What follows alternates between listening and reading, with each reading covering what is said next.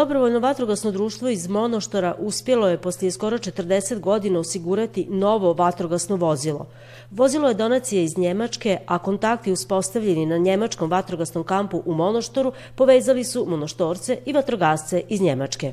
Pa bilo je tu zapravo puno ovaj, e, ljudi koji su sarađivali. Pr prvo najbitnije je grad Alen i vatrogasci iz Alena, zapravo dobrovoljni vatrogasci iz Alena, kojima je to treće vozilo koje šalju negde jel da, u inostranstvo da bi pomogli vatrogasna društva. E, onda smo imali e, Fondaciju za kulturu e, podunavskih švaba e, pokrajine Baden-Württemberg, E, to je naravno nastala saradnja uz, uz posredništvo Hung Gerharda i zapravo cijela priča je krenula na vatrogasnom kampu koji smo organizovali pre par godina da je onda i, i, i gospodin Buge koji je tamo bio naravno referent vatrogasac u penziji ovaj, sa, sa nekim drugim ljudima uh, pokrenuo celu tu priču da bi se to vozilo obezbedilo i imali smo naravno još dve donacije ovaj, od tu članova našeg društva. Dobrovoljno vatrogasno društvo Monoštor do sada je na intervencije izlazilo vozilom starim 60 godina.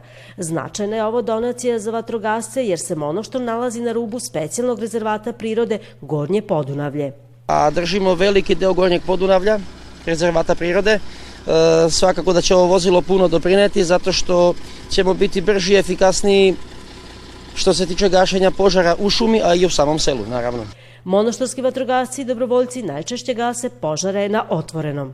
Značajno je to zato što mi prvi možemo da izađemo i lokalizujemo ta, e, tu vatru, koliko toliko držimo ju pod kontrolom dok profesionalci ne izađu na teren. E, s obzirom da smo dobili sad ovo malo navalno vozilo, bit ćemo još operativniji, E, iz tog razloga zato što je lakše i lakše možemo da prođemo sa njim manjih gabarita i možemo lakše da se probijemo u šumu do do tih nekih kriznih e, mesta. Ponovno aktiviranje mjesnog vatrogasnog društva razlog je što se rad uključuju novi mladi članovi. To znači da će društvo koje je osnovano 1927. godine raditi i dalje. Gledate paletu. Izbor iz emisija na jezicima nacionalnih zajednica.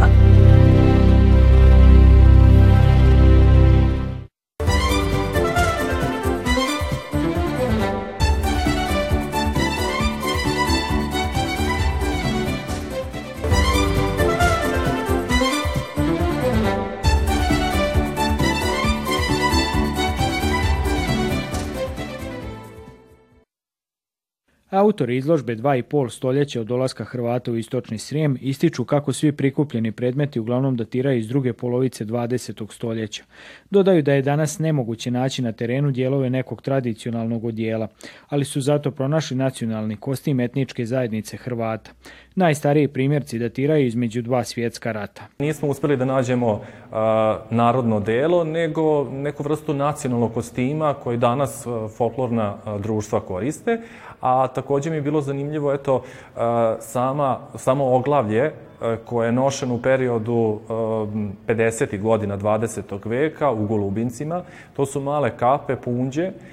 Inače su zanimljive po tome što se ukrašavaju ručno se oslika, odnosno ručno su se oslikavale i radio ih lokalni moler koji je bio, na primjer, Srbin, radio je za Hrvatice u Golubincima. Tako da u suštini taj suživot a, i prepletanje različitih kultura i po meni i pored svega toga Hrvatice su u Golubincima, na primer, svoje narodno delo napustile još u drugoj polovini 19. veka, kao i kod Srba, ali opet na neki način su zadržale taj neki svoj i lokalni identitet i nacionalni identitet kroz različite predmete. Da li je to u vidu latiničnog pisma, da li je to u vidu tih kapica koje su no, e, nosile, e, peškiri, na primer, koji su se koristili za korpu, za, za blagoslov, koji se i dan danas koriste, u nekim mestima ne, ali, na primer, u Golubjancima I dana žene, znači, za uskrs nose korpe sa tim šlingovanim peškirima, A, prosto je to, to su neke, ajde da kažemo, autentičnosti, odnosno različitosti koji ih izdvajaju i to mi je onako bilo zanimljivo u toku istraživanja. Istraživanje za ovu etnološku izložbu trajala su oko godinu dana i provodila su se u Rumi, Golubincima, Staroj Pazovi i u Novim Banovcima. Gledate paletu. Izbor iz emisija na jezicima nacionalnih zajednica.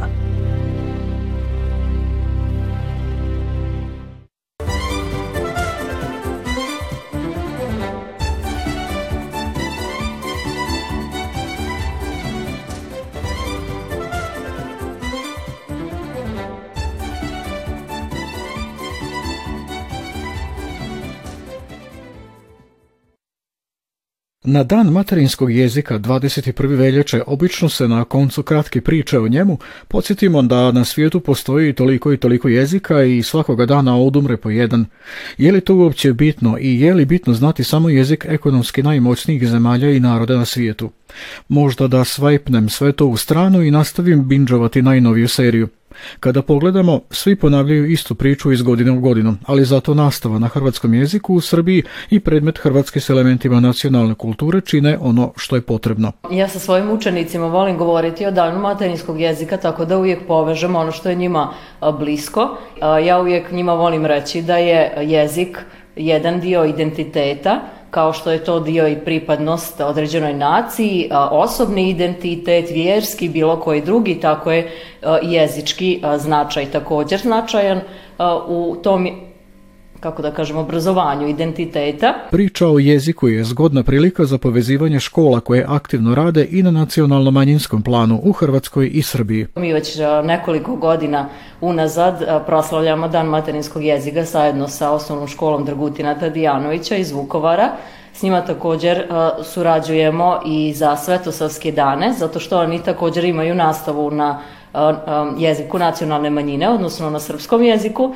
Možda je upliv stranih riječi u materinji nužno nasilje, poput obraćanja HR-u i manja know-how-a, ali bi se barem red riječi u rečenici mogao poštovati. Ipak, problem je to kada više jezika miješa se, pa nam niti joda iz zvijezdanih ratova nije ravan. Ono što se počelo događati ne samo u hrvatskom jeziku, nego u svim standardnim jezicima je činjenica da smo pod velikim uticajem drugih jezika, E, na nesistan način se ti jezici e, ulaze unutar hrvatskog standarda iz toga razloga što ne samo hrvatskog standarda u Hrvatskoj, nego i Srbiji iz toga razloga što smo mi jednostavno okruženi recimo engleskim jezikom, e, jako puno trendova, jako puno izuma, jako puno svakidašnji predmeta. Jezik se prilagođava promjenama kroz koje prolazi čovjek. Svake godine se u Hrvatskoj raspisuje natječaj za novu hrvatsku riječ. Ono što je treba shvatiti da je jezik poput nekakvog, kako bismo rekli, živog bića.